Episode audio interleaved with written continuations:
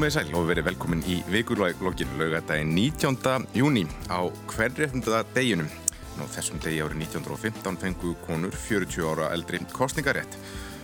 Við ætlum að gefa borgamálunum uh, gaum í þættinum í dag. Hinga eru konir þrýr borgarfulltrúar. Það eru þær Líf Magnuðdóttir, Vinstri Grænum, Sanna Magdalena Mörtudóttir, Sósialistaflokki og Valgerur Siguradóttir, Sjálfstæðisflokki. Verið hjartalega velkominar og til hamingjum með daginn. Takk fyrir, sömulegis. Skiptir, skiptir hann einhver miklu máli? Haldið upp á hann að jafna þig? Sannlega.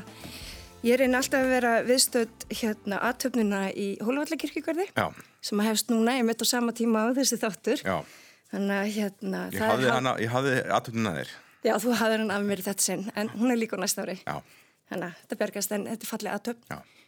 Og minnir okkur á að við eigum langt í landi, en við erum bara komin ansi langt líka. Mm. Sanna, hvernig uh, skipa þessi dagur sérstaklega staðið í þínu hjarta? Já, dagurinn skiptir uh, miklu og svona minnir okkur á um þetta að hérna, um, hvaða er mikið eftir en mm. svona emitt, við höfum náð ymsu en það er bara þannig er alls ekki búin þannig mér þetta að vera svona minningum hvaða er ennþá emitt langt í land mm. hjá okkur. En í fyrsta sinn er það transkona sem að flyttu ræðuna í Hóluvallakirkíkarði og við erum að minnst að komið þangað. Já. Og þar leiðu við mm -hmm. eins og sem mörgum erum sviðum og við vorum að mælast emitt núna efsta og lista alltjóð efnaðsrásins yfir jafnrétti sem er gríðarlega flott að gerist aftur og þannig að við leiðum svolítið í alþjóðlegum bara bara alþjóðlega mm. jafnbryttsmál og við hefum kannski að nýta okkur það svolítið meira Já. En svo þessi staðalárunni hópa það kemur ekki fram í þessum konunum mm. Skulum koma, komum að þessu aftur síðar í þettinum en skulum byrja að máli sér snertir jú, Karla á konur en það áða til að lenda kannski miklu meira á konum það er styrting vinnuveikunar og útfæsla hennar hún tók gildi fyrir árunni og líf, hvernig hefur útfæslan framkvæmdinn gengið hjá borginni? Um, 2014 þá lögðu við vinskræn fram til og í borgastjórn um að ráðast í tilröðunverkefni mm. sem að e, var eigilega svona fyrirbóða því sem að kom síðan e, já, var eigilega svona, já, tilröðunarfasi sem við lögðum að stað með Reykjavík borg leti í því og, og síðan við þið þekkja söguna þetta fór inn í kjærasamninga e, en eins og bara með allar stórar og miklar samfélagsbreytingar þá tekur tíma sníða af vannkanta Já. og við vissum það náttúrulega af tilraunaverkefninu að, að við þyrtum að gera ímislegt og að hérna, það þýðir ekkert samt að vera með hendur í skauti og segja bara að allt verður að vera fullkomi. Við verum einhvern veginn að, að hérna, hlusta fólk og meta árangurinn og svo þá veljum við að leiði til þess að fara.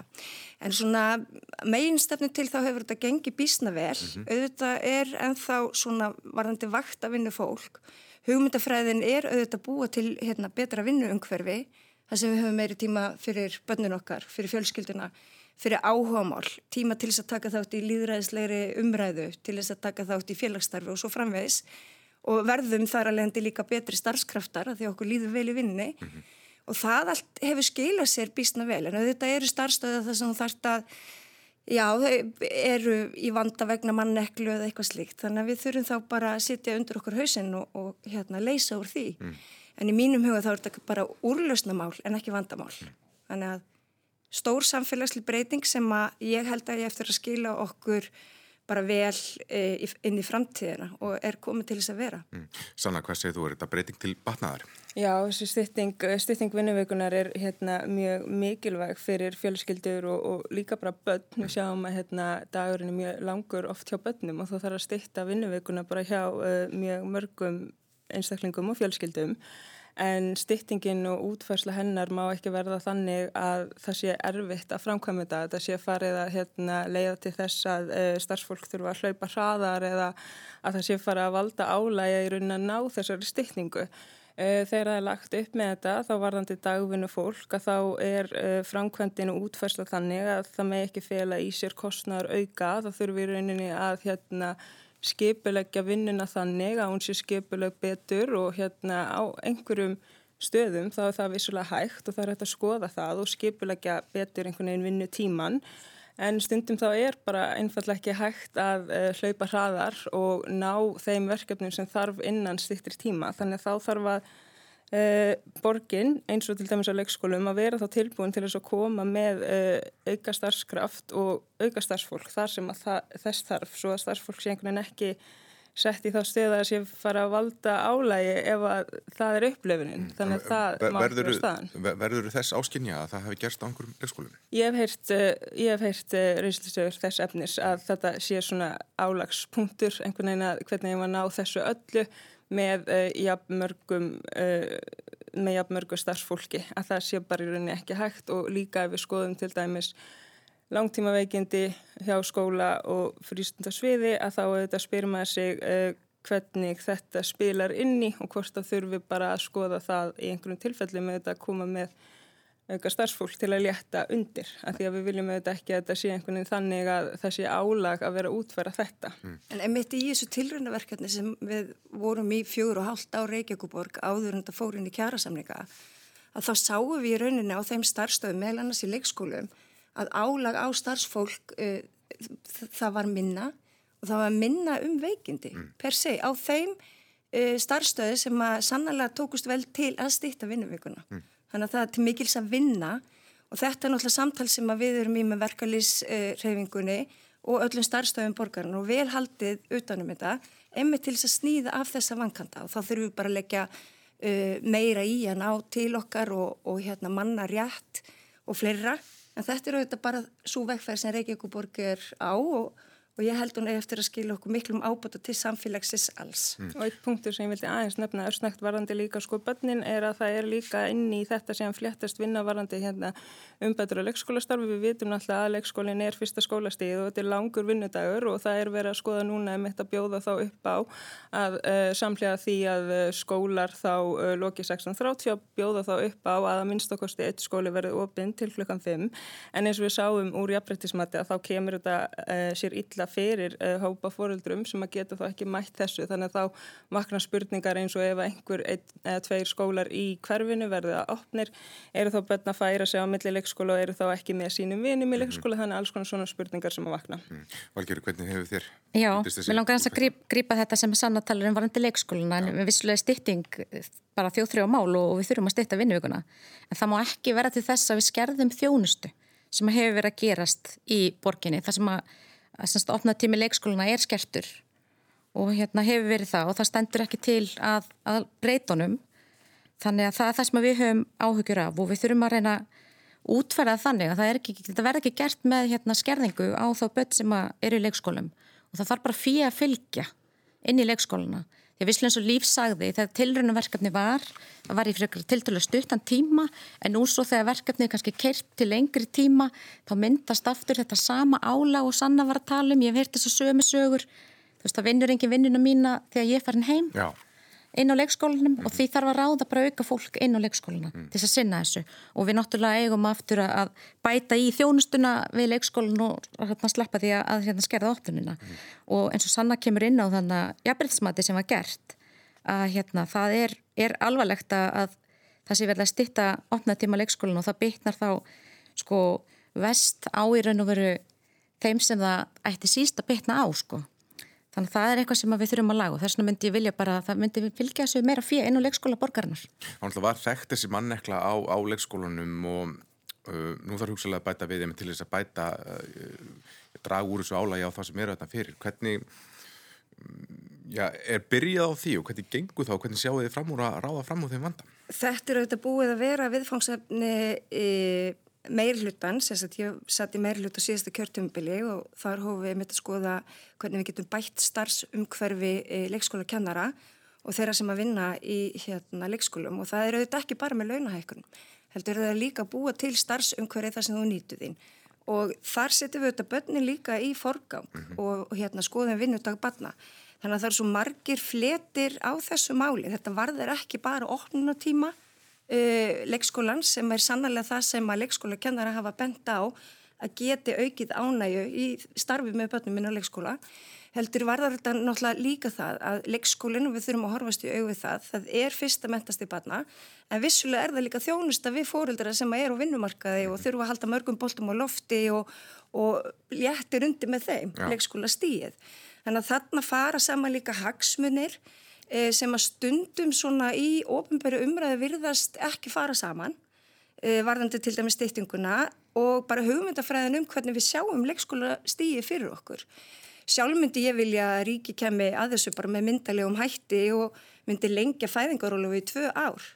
Þannig að við höfum meiri tíma með börnunum okkar og ég held að þessi er líka best fyrir börn að mynda náum tengslu og vera leng sem lengst með fóröldurinn sínum og svo tekur auðvitað leikskólinn við en þá þurfa sveitafélaguna samanskapi að vera tilbúin til þess að taka við börnum á einhverjum tíma. Og við höfum skoða alls konar leiðir í þessu uh, og, og svo er auðvitað hinn endi líka. Það er að færri sko undanferinn ár hafa menta vilja menta sig uh, sem leikskólakennara. Mm. en nú erum við að sjá aukningi því meðal annars vegna aðgerða sem að við í Reykjavík borg uh, fórum í með háskólasamfélagin og fleirum. Þannig að þetta eru svo, eru svo margir angar á þessu máli og sannarlega þá fórum við í þetta jafnbryttismat uh, varðandi stýtting og opnunatíma. Á hverjum bytna það helst? Jú, það eru einstæði fórildrar, það er fólk í lálunastörfum með litla tekjur, það er fólk af erlendubergi brotið, uh, inflytjandu til dæmis. Þannig að ef við ætlum að stýtta opnunatíma leikskóla og ég ætla að segja það að það er ekki búið að taka þá ákverðun. Það er skýrsla sem að fóri í mikið umsagnaferli uh, sem að laukar enda 9. jóni mm. uh, og við fáum þá niðurstöður af því, uh, hérna álit fólks úr, mentasamfélaginu en líka bara íbúa og þá í kjölfæra þá tökum við vantarlega einhverja ákvarðanir og það skiptir svo miklu máli að vera með mótvæðisaðgerir. Þannig að við séum að taka utanum alla þessa þætti og þá alla þá hópa sem að e, þurfa á því að halda. Þannig að það er ekki örugt að það verði að, að, að allir leikskóla að þeir veru loka klukkan 16. Nei, Nei. það er bara ákveðin svo eftir að taka. Mm. Um, það er kannski líka svona uh, eitt af því sem hefur bent á að Reykjavík dregur svolítið vagnin í félagsleiri þjónustu og mm, hvað heldur þessu 26% af skattekjum sem fara uh, uh, sem fara bara í félagsleira þjónustu og langt um meira en hjá öðrum sveitafélugum og því meirins að stilt upp þannig að, þess, að hinn sveitafélugin séu bara beinleginnins að velta kostnaðunum yfir á Reykjavíkuborg. Hvað segir þú eins og valgerur? Nú, nú eru það flokkssískinn tín sem ráða ríkjum í hinnum sveitafélugum. Er þetta eitthvað sem þið finnst þér ástæð til þess að taka á? Þetta er náttúrulega umræði sem ég er búin að heyra lengi og hérna, og ekkert nýja nálinni og það er sko, það var sett á náttúrulega jöfnaskattur á Reykjavík og það var, hann var settur á þegar borgin var vel reygin og hérna settur á þegar að hérna til þess að jafna yfir önnur sveitafjölu á landinu sko. Þannig að hérna hann einhverja var ákveð, ákveði tæki til þess að hjálpa og þá hafði kannski Reykjavíkuborg, var Reykjavíkuborg betur í stakk búin til þess að greiðan heldur nú niður núna. En Reykjavík er höfuborg og það er náttúrulega, sko við höfum ákveðin skildur á gegna sem eru bara höfuborgaskildur og við höfum líka ákveði forskott sem höfuborg af því að hér höfum við megnið af stjórnsíslu og öðru sem að önnu sveitafélög hafa svo ekki. Þannig að þegar, að, e, þegar þessi málur er rætt þá þurfum við að ræða þau algjörlega heildstætt og þurfum líka að taka þetta inn í umræðuna. Sannlega hvað segir þú er, er bara, eins og Valgjörður segir á, er það bara skildareikjavíkur sem höfuborgar að axla aðeins með breyðari bögg og, og þarf að axla þá meira en, en hinn?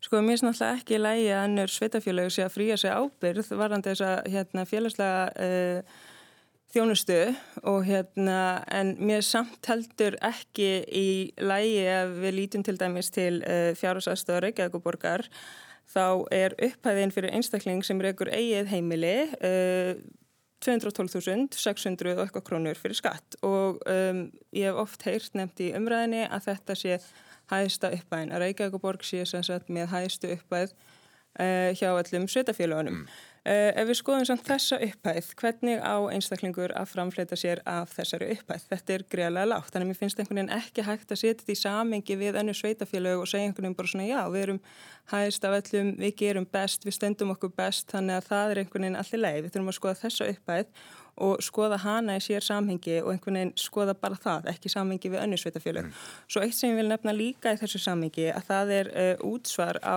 fjármærstíkur. Mér finnst líka það eitthvað sem að sveitafélögin þurfa að taka upp og það gengur náttúrulega ekki að við séum að hérna skatleggja launafólk, uh, skatleggja öryrkja, láttökjuhópa en uh, ríkt fólk sem að býr í samfélagum greiðir lítið, jáfnvel ekkert til samfélagsins sem það býr í, er ekki að greiða fyrir þessa uppbyggingu og kemst hjá því að greiða til samfélagsins fyrir þjónustu sem það eru nota hjá uh, borginni, hjá sveitafélaginu sem það býr í og mér finnst það ekki í lægi heldur. Um, mér finnst einhvern veginn eins og þetta eru þetta það sem við eigum að gera. Þetta er frum skilirði okkar bara sem sveitafélag, sem borgar. Uh, Reykjavík og borg er náttúrulega höfuð borg þjóðurinnar og hérna auðvitað er þetta fyrst og fremst skilda okkar og við erum að standa þessa hérna plikt og þetta er ábyrð okkar. Þannig að mér finnst líka einhvern veginn sko ef við skoðum til dæmis bygglista eftir félagslegu leiguhúsnæði þá þarfstu að hafa búið í Reykjavík og borg í eitt ár til þess að geta í rauninni sótt um íbúð. Þannig þetta er ekki eins og einhvern veginn það sé bara fólk að koma hinga og þú fáir að komast á bygglistan það eru ströng skilirði þú getur uh, sótt um í rauninni undan þáu og farið þá fyrir svona áfríðananemnd og ef það eru svona uh, rauk fyrir því og vega miklu aðstæður og þá gætur við fengið uh, samþygt í rauninni um, já, það getur verið samþygt að komist á þennan bygglista að þú sýnir fram á stert hengst við sveitafélagið mm. en ef við skoðum þá í rauninni alla bygglista Reykjavíkuborgar eftir húsnæði, þá er ég að tala um almennt félagslegt leiguhúsnæði uh, bygglist eftir þjónustu íbúðum aldraðara Uh, húsnæði fyrir uh, fallafólk og síðan húsnæði fyrir sagt, hérna, einstaklinga heimilislausa með miklar og floknar uh, þjónustuþarfir, þá eru þetta samkvæmt nýjastu tölum sem að ég sé inn á tölfræði við Reykjavík borgar þá eru þetta 806 umsóknir mm. og þetta eru 806 einstaklingar og þetta eru, þetta er greiðlur fjöldi, þetta er allt fólk sem að er að býða eftir að komast í eitthvað betra, við vitum ekki hver aðstæða fólksins er en að búa kannski inn á einhverjum að greiða allt of háa leigu, jábel í ósamþyktu húsnæði eða ég veit ekki hvað. Þannig að mér finnst einhvern veginn, við getum ekki einhvern veginn svona sagt já við stöndum okkur best með hins veitafjöluðin en á sama tíma eru við líka að standa okkur mm. með ítla út frá mínum bæðirum. En hvernig hefur þessi þróun til dæmis verið? Hefur, hefur verið að fjölga á sem bygglista, stendur henni í stað eða? Það hefur verið að styrtast já. en samt sem áður þá sé ég þennan fjölda sem að stendur eftir og þetta er greiðalur fjöldi sem er að býða eftir að komast í viðandi húsnæði. Mm. Ég ætla nú bara að leifa mér að segja það að það er ekkert sveitafélag hér á höfuborgarsvæðinu sem hefur ráðist í viðlika uppbyggingu í velferðarþjónustu við íbúið sína og Reykjavíkuborg og hérna þegar við tókum við hérna þessu kjörtímabili að þá var það eina megin hérna áherslum okkar vinsti græna að styrta þessa bygglista eftir félagslegu húsna og okkur hefur tekist það alveg all verulega þegar ég hóf afskipti pólitík þá voru yfir þúsund manns á bygglista eftir félagslegu húsnaði og nú eru þau um 500 eða réttið talið. Við hækkum um fjárhagsaðstúna, við erum með alls konar verkefni, varðandi það að taka utanum börn sem að eiga efnalitla fóruldra, uh, að taka á fátakt barna, uh, hinga flytur fólk til þess að fá almennilega NPA aðstöð. Hinga flytur fólk úr öðrum sveitafélögum að það hinn sveitafélögum geta ekki búið fram uh, þessa þjónustu sem fólk þarf. Við höfum tekið höndum saman við heilbyrðisraðunutið, Eh, erum að byggja hjúkunarrými og það er bara ímislegt sem Reykjavíkuborg gerir vel og ber að lofa fyrir. Mm. Uh, auðvitað eru verkefnin ekki tæmandi, auðvitað getum við ekki bara klára þess að terði, nei, nú erum við komin á góðan stað. Þetta heldur áfram. Uh, en við höfum lagt höfuð áherslu á að vera leiðandi annara sveitafíla í að veita velferðarþjónustu og mér finnst við hafa okkur hafa tekist bara mjög vel upp, þó það sé ímislegt sem að megi gaggrina eða finna að og þá er bara að leysa það. Mm.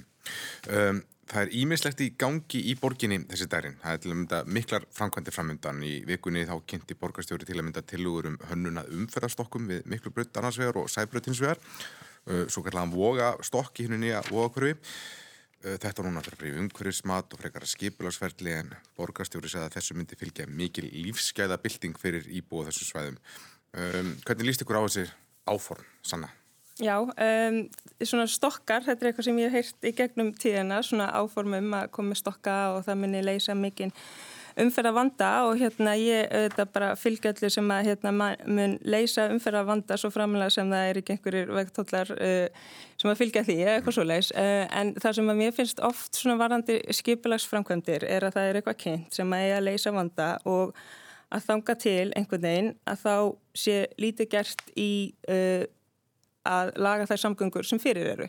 Þannig að mér finnst greiðlega mikilvægt að, uh, að meðan það verið að þá huga að uh, þessari uppbyggingu sem er ennþá freka langt í að verði að veruleika að þá setjum ég annað ekki á hakanum. Uh, til dæmis ef við lítum til almenningssamgangna að þá sé líka samlega því verið að bæta mm. þær. Eða sé einhvern veginn ekki einhvern veginn svona já, uh, þetta er framtíða lausnin, hún minn laga margt og þanga til verðum einhvern veginn bara svona að býða. Mm. Ef við lítum til dæmis til uh, strætó þá telja að það sé að laga margt núna þar að meðan við erum að býða eftir því að efla aðra samgöngur hér í Reykjavík sem mun auðvitað laga ímislegt fyrir okkur sem erum svona. Á meðan við býðum þá eftir mhm. borgarlinu til dæmis. Já. Já hvað, hvað ertu þá helst að hugsa um?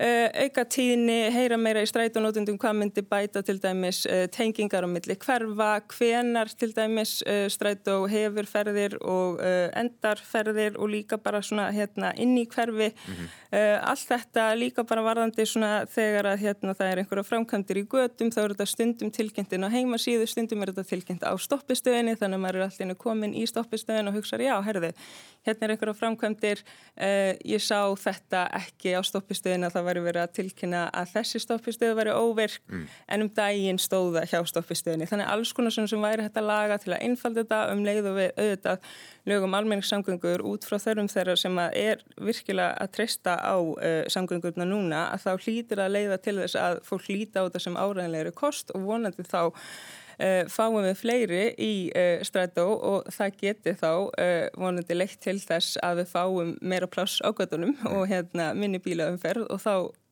auka tíni. Já, valgeru. Já, mér finnst bara þessar hugmyndir um stokka, þetta er bara mörgleiti til spendi hugmyndir en, en hvernig við svo aftur getum útværstar og framkantar, mm. það er aftur á móti allt annað og hvað gerist undir yfirborðinu er, hefur ekki verið kynnt. En mér finnst þetta svona Þetta er svolítið eins og verkefni sem ég hef séð svo ofta áður hjá meirlutanum. Flott hugmyndasamkefni, myndir af fólki í lokn og sól, allir að njóta, en svo einhvern veginn gerist ekkert. Mm. Og það er bara, og ég vil taka undir þetta eins og með sönnu að, að hérna, það er endalist verið að kynna einhver bara ágætsverkefni fyrir okkur, en á meðanum setja aðeinar framkvæmdur á hakanum. Við erum til dæmis samþýttum það að auka tíni strætó í byrjun, byrjun kjörtímlins og það hefur ekki ennþá gengið eftir það eru fullt af verkefnum sem að myndu skipta ótrúlega miklu máli sem að vera auðvelt að gera og fara í sem að við erum sammálu um að gera meiri hluti og minni hluti en samt einhvern veginn hefur þeim ekki verið rindi til framkvæmda. Og það finnst mér sko mista vond og mista við mættum laga það af því að þegar við samtíkjum góð verkefni og erum sammála sem að gerist oft að við erum að hérna, þá þurfum við að vinnað úrlösna því strax. Ganski áður við förum að kynna uppbyggingu og, og einhverjar hugmyndasamkeppnir eða einhverjum nýjum verkefnum sem eru svona, hvað getur maður sagt, þetta er svona ómur til framtíðar. Mm. Þetta, er ekkit, þetta er ekkit nýtt af nálinni að sé verið að tala um stokka ja. og hérna við erum búin að sjá kynningarnar oft um stokkana en, og svo hvort þeir verða að gerðir eða ekki. Ég, ég bara, maður veit það ekki, en maður fallega glærir.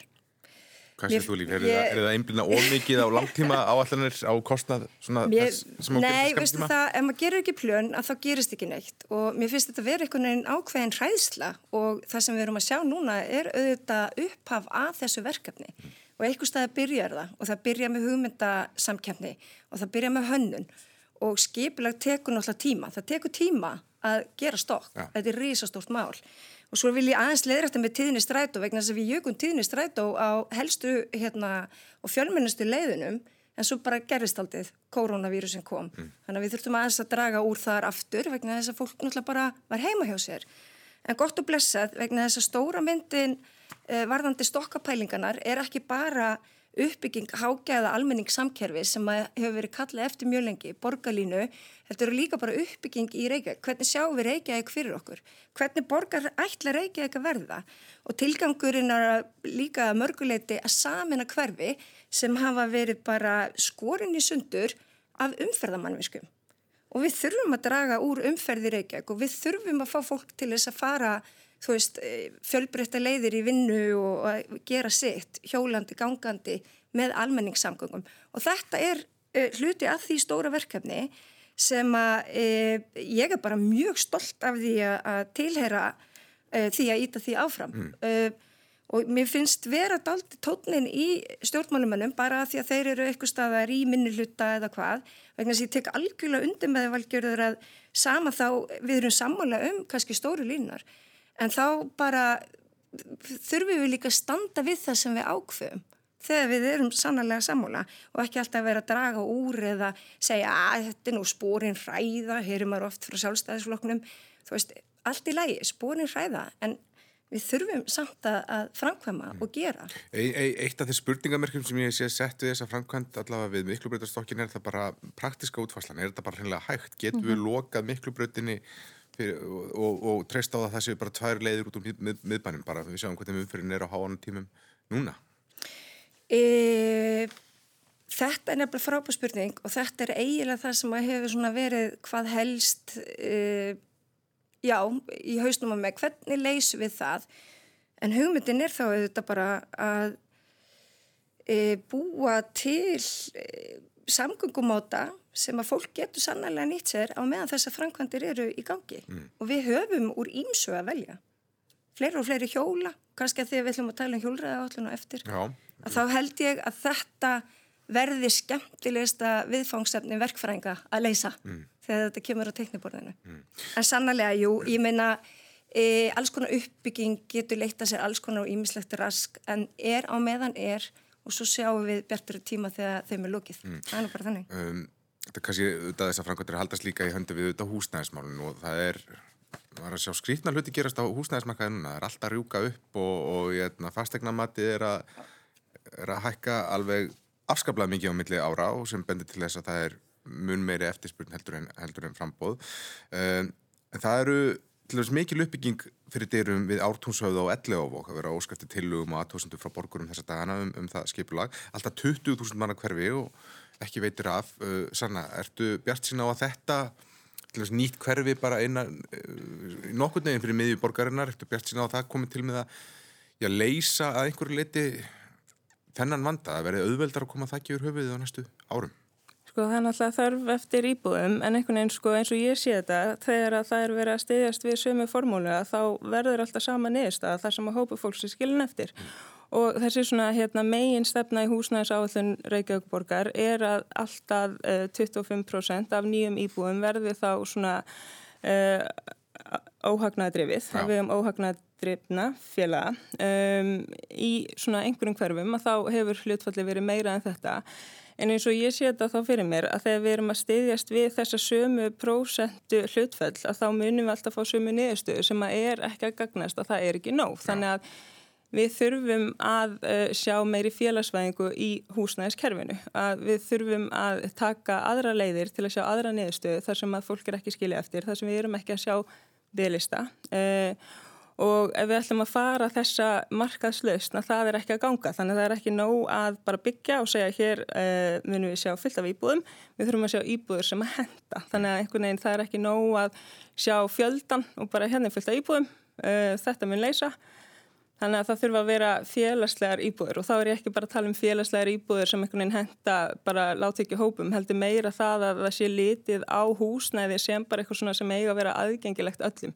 Ekki endilega sko félagslega húsnæðiskerfi þannig að þú þurfur að uppfylla einhver svona skilir þar sem þú sért í það uh, slæmri stöð að þú getur þá komist inn í kerfið heldur að við séum alltaf aftengja í rauninni húsnæðiskerfi frá þessum svona markaðslaugmálum. Mm. Það er það sem ég myndi vilja sjá. En það húsnæði sem hefur verið byggt mm. og er félagslegt og svona, eru þetta ekki fínustu íbúður eða er þetta ekki bara sem getur, jú, hver sem inn í? Algjörlega, þú veist ég er að tala um, við erum með hérna félagsbústæði og við erum með að vegum verkalýsfélagana en ég er að tala um bara ef að Reykjavíkuborg myndi fara meira í bara að skoða hvort að hún geti ekki bara byggt upp sjálf, mm. þú veist ekki í tengsnum við svona þetta markastripna uh, eh, kerfi. Mm.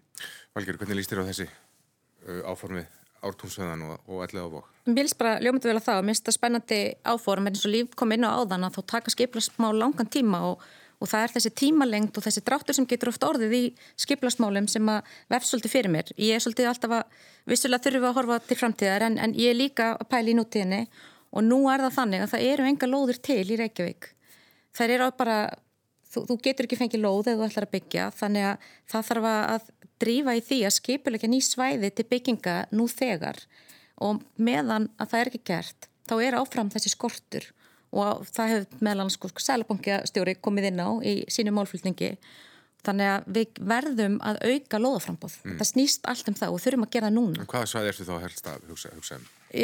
Til að mynda fyrir þrem árum síðan í kostningabortunni þá voru kynnt svæði upp í grái mm -hmm. til þettingar og það hefur ekki orðið þéttinga í staðakverfi það hefur ekki orðið en þá, það hefur ekki komist á dagskrá mér finnst mjög leitt að keltnalandið sem var hluti á lífskjærasamningnum sé ekki að koma til uppbyggingar fyrir en eftir áratug það finnst mér eitthvað sem að mætti taka inn mun fyrr og við höfum tala fyrir þannig að við höfum úrlausnirnar, við höfum lausnirnar á þessum loðuskort sko mm. og við getum spýtt inn lóðum á hérna, fullta svæðum mm.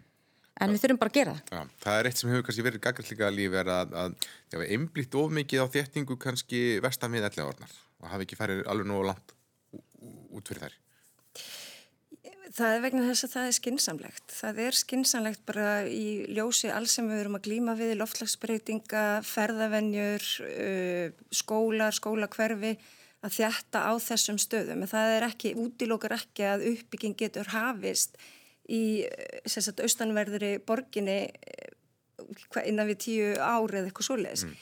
En við erum auðvitað með eins og þú segir, elli ár hérna vógurinn og vógabögðin og allir þessi ártónshöfðin, þetta eru bara stærstu þrónaverkefnin okkar núna og bara strax í fyrsta áfanga þá fáum við 3500 íbúðir, við fáum uh, leikskóla og grunnskóla og sapskóla þannig að það er alveg, það er gífilegu hraði í uppbyggingu í Reykjavík en sannlega þá bara hérna má gera betur og ég veit að þetta er gaggrinni sem við þurfum að, að hlusta á en sko Reykjavík og uppbyggingi í Reykjavík hefur bara verið samfelt saga af húsnæðiseklu mm.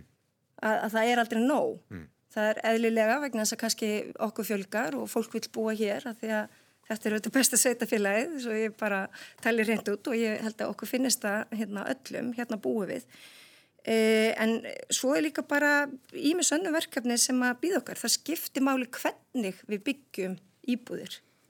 Ekki bara að rigga þeim einhvern veginn upp og svo bara stoppveðir og vegir og eitthvað svona. Við þurfum að vera með e, sjálfbæra og, og hérna, umhverjusvanna uppbyggingu. Að það skiptir líka máli eh, ekki bara hvernig við búum, heldur líka hvað við sjáum út um gluggan okkar, þar sem við búum eh, og í hvernig umhverfi þú ferð þegar þú ferðu út úr íbúðinni. Mm. Hvað er til staðar? Þannig að hérna, uppbygging, þjónustu, verslunar, eh, annara fyrirtækja og, og þannig það verður að halda vel á spöðunum í öllu þessu. Mm. Almenningssamgöngur, leikskólar, allt sem að einhvern veginn uh, samfélagið enginnist af og við þurfum á að halda. Um, Ríkistöndin greip til úrræði sem næst hlutildalán, þar að segja uh, til að hjálpa tekjulega á fólki að koma þakki yfir höfuðið og það er að útborgun þarf ekki að vera með 5% og það fylgja þessu skilirdi, þetta þarf að vera í nýju húsnæði og það er þak á því hversu há, há þessi lán með að vera og það, það þak var nokkuð læra heldur en gangverðið á nýju húsnæði er í Reykjavík nýtast þessi hlutildalán í búum höfubrókarinnar sanna? Þú náttúrulega ert í, í góðu sambandi við, við tekjula mm -hmm. fólk og hvernig er svona þitt bakland? Hvað, hvað, getur fólk nýtt sér þetta úrræði? Þetta er ekki að nýtast uh, tekjuláum og ekki að mitt til dæmis örgjum um, og sko það sem að hefur komið fram er að þetta eru fáar íbúðir og uh, það sem er að heyrast að mitt sko er að hérna gaggrínin netaldið þú getur ekki komið með þessa laust inn í rauninni þetta markastripna kerfi. Ef þetta er hugsað sem eitthvað svona félagslega laust að það er aldrei að fara að virka síðan inn í þetta kerfi frekar en að beina sjónum að kerfinu sjálfu og hugsa einhvern veginn það er ekki að virka. Að skoða rót vandans og hugsa af hverju er það ekki að virka í snæðan fyrir að koma með þessa laust þá er það ekki að fara að leysa uh, vandan. Um, ef við skoðum með mitt íbúðunar sem að hérna, eru að falla að þessum skilirðum þá eru þeir bara svo fáar af því að skilirðin eru svo rosalega þröng þannig í staðin fyrir einhvern veginn að hérna, endur skoða einhvern veginn bara svona kerfið í heilsinni að þá einhvern veginn er það svona já, nei, herðu, uh, þá þarf einhvern veginn bara svona hérna, uh, við þurfum bara að ætla til þess að verktakar einhvern veginn hérna, uh, breyti sínum skoðunum. Það er ekki einhvern veginn leiðin sem ég myndi vilja fara þessu heldur að endur skoða sko allt í heilsinni og líta bara öðruvísi á húsnæði. Ég menna við þurfum öll húsnæði og við eigum ekki að líta húsnæði sem bara svona hverja aðra vöru einhvern veginn. Við eigum að líta húsnæði sem bara svona hérna, eitthvað sem við þurfum öll og aftengja þetta frá þessu marka. Það er það sem er svo mikið vandamálið núna í dag. Að við getum ekki verið með þetta á þessu eh, kerfi þar sem þetta gengur svona kaupum og sölum. Það er vandamálið og við þurfum að aftengja það og þanga til. Þá erum við ekki að fara að sjá lausnir sem að munu um, henda. Ég ætla hann að sé þetta þannig. Mm. Uh, Valgjur, er þetta mál það sem bara, já, ríkistöndin hefur það í hendi sér að bara vika sér skilir því eða er þetta eitthvað sem getur borgin eitthvað bröðist við til þess að... Borgin getur vissulega bröðist við og það er kannski það sem ég var að koma inn á hérna áðan að það er að svara þörfinni eftir bara frambúði lóða. Mm. Af því að þegar við erum með lítið að lóðum þá erum við að, þetta er ákveðin skortstefna sem, að, sem er rekin þá og til að mynda sko árið 2017 þá voru sko heldar fjöldi íbúða í byggingu 4% í Reykjavík að með að það var 15% í Mósulsbæ. Mm. Þannig að heildar fjöldi íbúa hér í byggingu hefur ekkert verið hár á síðustu árum. Þannig að það vantar hérna lóðir og hefur vantar til langstíma og við þurfum bara að spýti í. Og leið og við gerum það, þá kemur jafnvægi á húsnæðismarkaðin aftur. Þannig að bara, en já, myndi það bara lóðaverð og bara húsnæðisverð lækka almennt við þetta að þín mæti? Við höfum aldrei séð húsnæðisverð lækka á Íslandi. það er bara þannig. En eftir, það myndi náttúrulega minga þessi þensla sem er í dag. Mm það er bara svo les mm. við sjáum gríðarlega þenslu og það er verið að tala um bólumyndinu jáfnvel núna Já.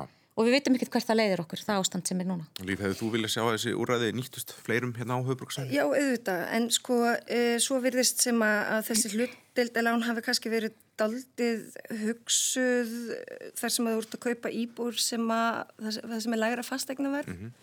þannig að það er kannski eitthvað sem að, að mætti endur skoða En þetta eru auðvitað, sko, þetta varðar kaup á íbúðum sem eru sannlega til í dag og núna og við vitum ekkert hvað þessi hlutildalán eiga eftir að vara lengi og hvort að, ég menna, við erum að fara í kostninga núna í haust og við vitum ekkert hvort að taka eitthvað nýtt við og bara úræði vera aflögð, við vitum það ekki. En það virðist vera að, að hérna, þetta, þessi hlutildalán nýtast fólki í Reykjavík sem er að kaupa hagvænt húsnæði. Það höfum við séð og það er bara staðrind en svo má náttúrulega auðvitað eins og með allt snýða vankanta af og, og hérna reyna þá að ná utanum hópa sem að um, sannlega þurfa á þessu að halda. Þetta eru fyrstu kaupendur, þetta er fólk sem hefur ekki átt uh, fastegn í fimm ár. Uh, þannig að ég hugsa líka sko, við höfum aldrei verið að vinna með, uh, já, að, að við þurfum að eiga allt og það er í rauninni sko þróun sem við höfum reynd að vinda ofan af í Reykjavík og búa til fjölbreyttan eh, húsnæðismarkað. Mm. þar sem þú átt að geta leikt, þar sem þú átt að geta verið með fjölbreytt búsituform, við höfum verið í samtali við verkefliðsrefinguna og, og þannig. Þannig að það er það sem að mér finnst okkur vanta, það er svona fjölbreyttur uh, húsnæðismarkar, það sem þú þart ekki endilega að eiga íbúð en vissulega eru það að eiga íbúð það er fjárfesting sem að um, skila sér Þetta er einhvern veginn svona, hefur í gegnum tíðin að vera eina sparið fyrir sem fólk sko. Akkurat, emitt og hérna vergildið einhvern veginn, þú veist, er bara í takti við efnahagslífið í samfélaginu mm. þannig að það er alltaf besta fjárfestingin í mínum huga, að eiga bíl til dæmis er mjög vond fjárfesting mm. frekar að eiga hjól sem hann getur átt í 20 ár þannig að bara í þessu samhengi þá hérna skiptir líka heldamindi máli Þetta er bara eitthvað úrræði sem að kemur, við vitum ekki hvort það verði, en það sannlega nýtist samt fólki hér til þess að kaupa hagkvæmt húsnæði sem að við höfum greitt göduna fyrir í Reykjavík. Mm. Um, talandum hjól á dögunum, þá var kynnt sérstök hjólreiða áallun sem er til ásins 2025 og þá að gera Reykjavík að hjólaborg á heimsmæli kvarða. Þetta fylgur í sér að verja 5 miljónum sem meðalans að fara í að fjölgar hennum hjólastígum úr, úr rúmlega 30 km í 100 Þessi áallin var unnin undir fórustu Katrínar Alladóttur, uh, borgarfylltrú á sjálfstæðsflokksins og það verðist að vera nokkuð viðtæksáttum þetta, greittu allir aðkvæði nema þú sanna. Hva, hvað svona stundir þú ekki það? Já, uh, mér erst hérna bara allt uh, frábært þannig að efla innviði og hjólamenning og hérna sérstaklega talað um að tala við græsvöldarsamtök um hvernig með svona nálgast það að það er verið að eh, stela hjólum mm -hmm. í mhm. borginni og svona mjög góði punktar og allt bara heldar uh, samingi sett þarna mjög flott uh, fram. Uh, það er einn punktur þarna og það var þar að valdir hjólaskápar í borginni fari útbóð og það er þetta sem ég á bara gríðarlega erfitt með mm. að það er hérna að þetta eigi að fara í útbóð og mér finnst þetta með útbóð, það er verið að koma þessu fyrir hér og þar og það er einhvern veginn þegar að enga aðilar eigi að sjá um uh, hluti varðandi samgöngur og hluti bara varðandi þess að grunn þætti í samfélaginu okkar. Og ég vil bara ekki skrifa undir það. Uh, Við höfum séð alls konar varandi gjaldtöku eins og til dæmis í mann eh, varandi salerðin í mjótt, eh, PEP, samtök fólks í fátækt, voru að mótmæla því að það kosti alltaf einn að fara á salerni í mjótt þegar að, hérna, þessi hlið komi upp og allt svona þegar að engaðilar er að taka að sér eitthvað í eh, grunnkerfunum okkar þá bara hérna, vilja ekki taka þátt í því. Mm. Við erum að tala um að ebla hjólamenningu, við erum að tala um að gera hana aðgengilega fyrir hérna, borgarbúa og það var sérstaklega punktur sem að fjalla um með þetta góð hjólaborg,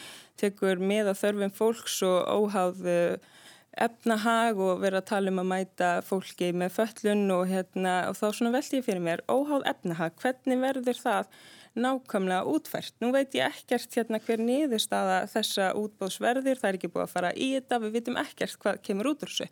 Uh, ég veit ekkert hvernig þetta minn hafa áhrif á mögulega gjaldtöku að þú vilt geima hjólið þitt í þessum hjólaskáp eða hjólafötin eða ég veit ekkert hvernig þetta mun koma til með að líta út en hvernig mun þetta hafa áhrif á uh, gjaldtöku, hvernig uh, mun þetta virka á borgarbúa, mun þetta vera dýrt, mun þetta leiða til þess að hérna, uh, fólk sem hefur lítið á milli handana hugsaður ég ætla bara að læsa hjólinu mínu hérna úti og geima hérna úti því að ég er ekki að tíma að borga einhvern hjólaskáp og þar með kannski eigur það áhrif að líkurnar á hjólinu verið stóli. Þannig að allt eitthvað svona útbóð getur við ekki bara sleft þessu í þessum grunnkerfum sem varðar svona almenningssamgöngur og hjólasamgöngur ég skil ekki alveg af hverju við erum að koma þessu fyrir uh, alls þar. Þannig að öll þessi viðbóta þjónusta sem fylgir þessu að hún ætti mm -hmm. það bara að vera á, á hendi borgarinnar. Já. Já. Valgjörður. Já, hérna mér finnst þetta bara frábært. Þetta er frábæra áallun, hún er veluninn og Katrín Allaldóttir borgarfulltrú okkar bara á hróskilið fyrir það og hérna þetta er sko gott dæmum hvað við getum unnið vel saman í meir og minni hluta. Og varðandi hjólaskápana þá vil svo skemmtilega til að þeir eru mín hugmynd. Þannig að þeir hugmynd til að sem ég lagði til og að tekin inn sem vinnu og þeir eru með þetta þekkist viða í Stórborgum Erlendis. Þegar þú ert á jafnbröndalesta stöðu með hana þá getur þú læst hjólið inn í hjólaskápum. Og þar ertu bara einfallega auka val út að auka val þeirra sem eru hjóla um borgina hvar þeir vilja geima eigur sínar. Og mér líst frábærlega á þetta og mér líst frábærlega á þessa áallur nú þegar erum við að sjá það að hjólregar hafa aukist úr 2-7% í borginni. Og það er gríðalegur árangur og mjög flott. Og ég held að hjólregar munu áfram aukast á Íslandi. Mér finnst þetta að ég var að reyna að kaupa reyðhjól í amalskjöf fyrir dóttir minna um daginn og þá er öll reyðhjól uppselt í búðinni þannig að ég finnst að býða En mér finnst bara ekki allir hafa val til að greiða ef við komum að því sko. Já, líf hvernig, ja, þið eru vantilega spennt fyrir þessari áhættu? Algjörlega, ég hjóla allra minna ferða og, og það sem að e, myndi auka ánægja mína er að vera örugari á hjólastígum og það er það sem við erum að byggja upp.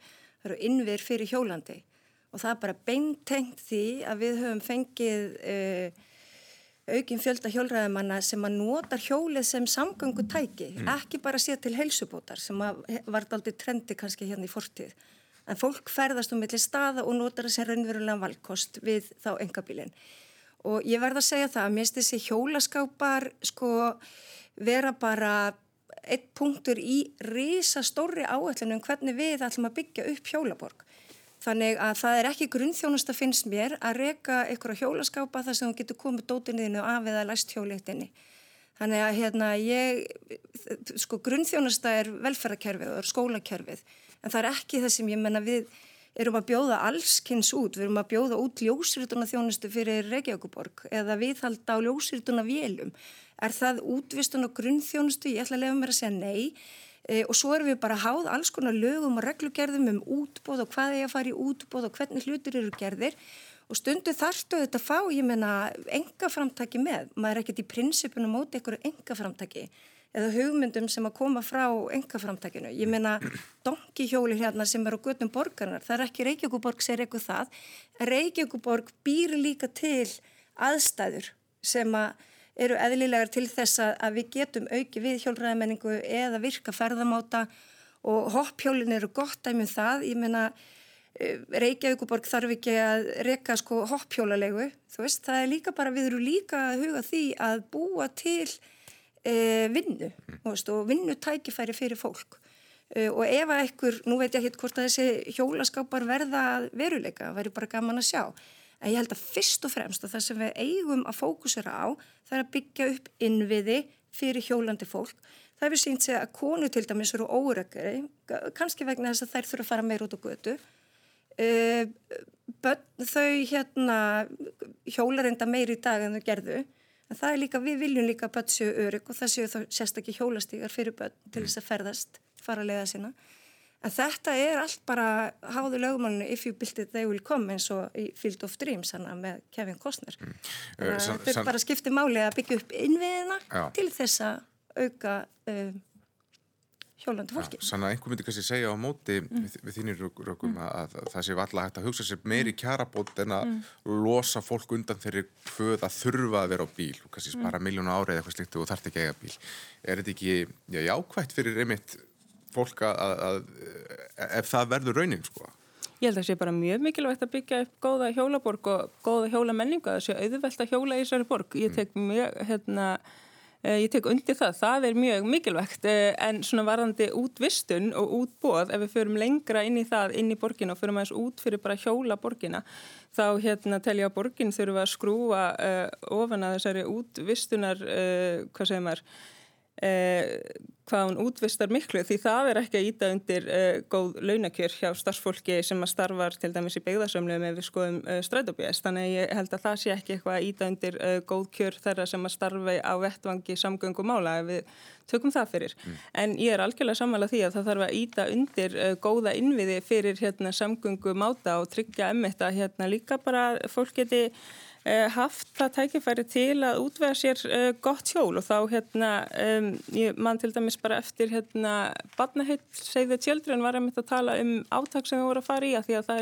geti ekki alltaf bönnu ungmenni að útvega sér hjól þannig mm -hmm. þá þurfum við líka að skoða hvernig eru kjörin sem við erum að veita lagslega fólkinu í borginni, getur við eitthvað gert þar til að tryggja að foreldra getur potið útvega bönnu sínum hjól mm -hmm. um, Við erum smám saman að losna úr klóm COVID. Það er að slakna samkominn takmarkunum og hlutirnir að svona smamsána færast í eðlilegt horf, dregur blessunanlega úr atvinnuleysi og maður er farin að sjá ferðamenn á stangli og fólk á veitingahúsum en það eru líka vakna spurningar um hvort allt eigi endilega að fara í fyrrahorf.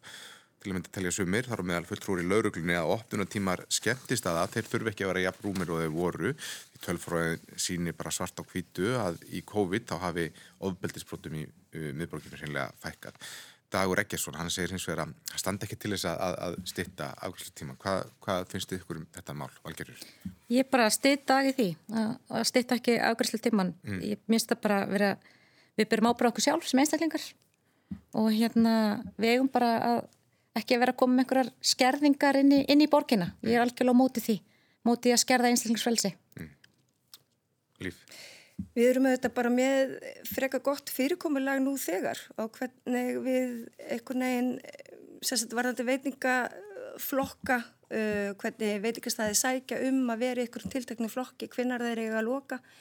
Ég held að það sé best að dreifa þessu. Ég man nú eftir því að hérna 80 eitthvað að hérna, að hérna fólk, það er lokaða bara klukka þrjú. Já, já og kortur í þrjústemmingin þú veist mm -hmm. og mhm. fólkið sapnaðist fyrir á lækatorki og það var nú ekki fallegt oft á tíðum. Þannig að ég held að við höfum að dreifa þessu sem mest og, og hver og eitt staður sækir þá um það leifi sem að húnum finnst veitikastæðurinn hæfa sér. Þannig að hérna ofbeldi eru þetta eitthvað sem að við höfum að taka vel á í miðborginni. Það er aukin löggjæsla, það er samstarf Reykjavíkuborga við veitikastæði, það er að kenna dýravörðum, að kenna veitingamönnum að, sagt, að koma í veg fyrir það og, og hérna, búa til öruga skemmtistadi. Mm -hmm. En það er líka staðrind að, að hérna, ofbeldi þrýfst mest í heimahúsum þar sem við höfum ekki tökað að, að grýpa inn í nema það sé eitthvað sem að ringir og vera þá með verkverðla sem lúta því. Þannig að hérna, aukin lögjastla sem eru þetta kannski bara vandar fjármagn í að framkvæma, ég veit það ekki en ég held að við þurfum bara frekar að taka utanum þetta þannig heldur en að vera einblýna á sko opnunatíman ég held að það sé engin barba brella sko til þess að ná niður ofbeldisverkum mm. ég held að við þurfum að gera allt aðra hluti mm. til þess að útrýma ofbeldi í miðborginni Hvað segir þú, Sanna? Já, ég veldi mig fyrir mér hvort að ofbeldið hætti eitthvað endilega þó að staðir loki fyrr Já. en ég get alveg kannski tekið undir með lörglunni að það kannski ekkert eitthvað sniðist að vera að, að drekka frá svona miðnætti og fram eftir mótni sko, en hérna, en emmitt það er eins og við höfum verið að sjá ofbeldi hefur verið að aukast bara inni á heimilum emmitt eins og líf segir heimilisofbeldi og það er ofbeldi víða í samfélaginu þannig að það er kannski það sem þarf að skoða af hverju fólk uh, fremur ofbeldi og hérna hvernig það er hægt að vinna á því frekar en endilega þetta sé einhvern veginn lustin sem að muni uh, binda Já, enda á það. Það, það hafi einfallega bara færst til í, í, í faraldrinu. Já, ég náttúrulega veit ekki alveg sko svörin á þessu en, en það er, emitt, ofbeldi finnst við á og ég veit ekki endilega hvort það sko það að loka mm. en eitthvað, þú veist, þá kannski færist að annað. Já ætla að sjá aukningu á heimilisofbildsmálum og svo erum við að sjá gríðarlega aukningu á tilkynningu til barnavendar og hefum verið að auka fyrir til barnavendar. Mm. Þannig að ofbildi hefur eflust ekkert mingað ef við tökum það saman í heldina þrátt fyrir að það séu færri ofbildisbrót í miðbænum. Það hefur einhvern veginn svona flust til sko. Það er líka þessi vitundavakning. Það er að við bara hérna, setjum mörg, við látum ekki bjóða okkur þetta og við ringjum og ég held að líka þessi aukningi tilkynningu til barnavenda sé umræðan hún á ekki að vera í skugga hún, við eigum að ræða þetta og við vitum veist, hvert, við vitum hvert við eigum að ringja og hvernig við eigum að tilkynna já, já. og þess vegna var líka greiðlega flott framtaki á ríkistjórnunni núna sem er að, er að fara að koma með sagt, kynningar í skóla mm. sem er frábært ja.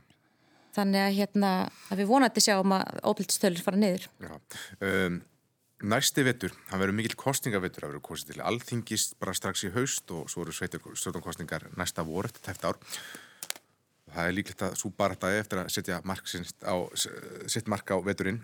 Ætli þið að gefa, gefa kosta okkur áfram líf? Ja, sannlega. Já. Ég hef sagt það líka eitthvað stær í einhverju viðtölum. Hvað finnst þið svona að hafa staðið upp úr á þessu kjörtímabili? Þetta hefur bara verið mikið uppskjöru kjörtímabil mm. þrátt fyrir COVID uh, þar sem að við höfum, ég man eftir sem sagt að því að ég var nú í hérna minni hluta stutt eftir hrun, ég ákvaði að taka þátt í, í stjórnmálinn 2010 að þá hérna var ég minni hluta í Reykjavík og Borg uh, vinstikræni voru það að hérna maður tekur líka eitthvað með sér frá þeim místökum sem eru gerðar í forti sem að maður hefur kannski gaggrind þá sitjandi meir hluta fyrir. Og það hef ég að minnst að tekið með mér inn í e, inn á þetta kjörtumabil að sitja meir hluta Þannig að hérna maður kannski nálgast líka viðfangsefninu öðruvísi til að mynda bara eins og með e, viðhald í skólum. Mm. Ég gaggar hindi það á sínum tíma. Þannig að 2014 til 2018 þá stóri ykkur við viðhald í, í leikskólum og grunnskólum. Bara eitt lítið dæmi. En hérna þau hefur afarlægt omsrikt uh, og ég býja mikill í þekkingu sem að getur gagnast verkefnum og íbúum og, og hérna til þess að koma uh, góðum verkefnum fyrir íbúna áfram og mig langar að halda áfram mm. og, og fylgja þeim úr hlaði. Já. Nú erum við búin að íta mörgum bátum úr vör en þetta er líka uppskjöru tímabil mm. þannig að mér langar aldrei að sjá bennum í vaks og grasi. Mm. Hvað segir þú svo allar að halda áfram í borgamálum eða má kannski búast við að þú verður á lista hjá sósjálistum í haust til alþingis? Ég hef áhuga á því að halda áfram í borgamálum. Eh, tíminu er mjög fljótur að líða og mér finnst alveg það er hellingu sem eftir að gera. Ég er svona sé það þannig. Um, mér svona hafa staðið upp úr náttúrulega húsnæðismálinn og líka bara hérna um, séð svona hvað uh, verkafólk og lálunafólk uh, bara hvað við, borgin getur ekkert án þeirra verið. Mm. Það sást í uh, verkvallinu, það sást í COVID, það sést svo vel hvað uh, fólk í lálunastörfum og verkafólk í rauninni sér um bara emmitt hérna Eh, ummönnun við eldriborgara, þjónusta við uh, börn og hérna sorp og, og hérna allt þetta, þú veist, ef við myndum ímynd okkur samfélag uh, án starfsfólk í þessum stöðum, þá Já. gætu við nú ekki haldið borginni gangandi, þannig að mér finnst svo magna einhvern veginn hvað þetta var sínilegt fyrir fleiri einstaklingum. Mér fannst það allavega að hafa svona dreyið fram mjög skýrt í dagsljósið. Mm, þú ert, þú ert eini fulltrúið þíns flokks og þú ert í minni hluta en hverju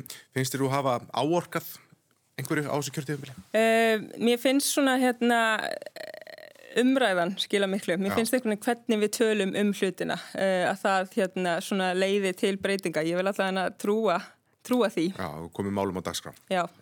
Valgerur, hvað stundin þú á? Já, mér finnst vinna minn frábær, mér finnst það skemmtileg og mér langar til þess að halda fram. Mm. Þannig að ég hérna, ég vonandi bæði umbútið þess en svona það sem hefur staðið upp úr á kjörtjumbilinu það finnst mér náttúrulega skiplasmálinn og þessi skiplashalli sem er kannski á milli hérna borgar hlutana það sem ég vil náttúrulega sjá miklu meira, miklu meira uppbyggingu í austur, austurborginni og þá með keltnalandinu og öðru. Og hérna leysa þá loðavandan í leðinni svo er náttúrulega skólamálinn og ég hef náttúrulega töluvert verið inn á þessum viðhaldsmálum. Kannski svolítið skrítni borgarfulltrúin og byrjaði á því að tala um asbest og það ætti að kortleika það í borginni og hérna sem hefur kannski aðeins verið að býta okkur núna því það hefur verið að finnast við í byggingum og svo hefur við tekið mál fósforskóla mjög förstum tókum Já. og hérna leitt svolítið þá umræðu Þannig að uh, hvað búist þið við að verði svona kostingamálin? Sko fyrir alþingi verða klárlega sko atvinnumálin mm skapa störf. Já, en fyrir borgina? En fyrir borgina er það, ég, eins og alltaf, það verður flugvöllurinn, mm.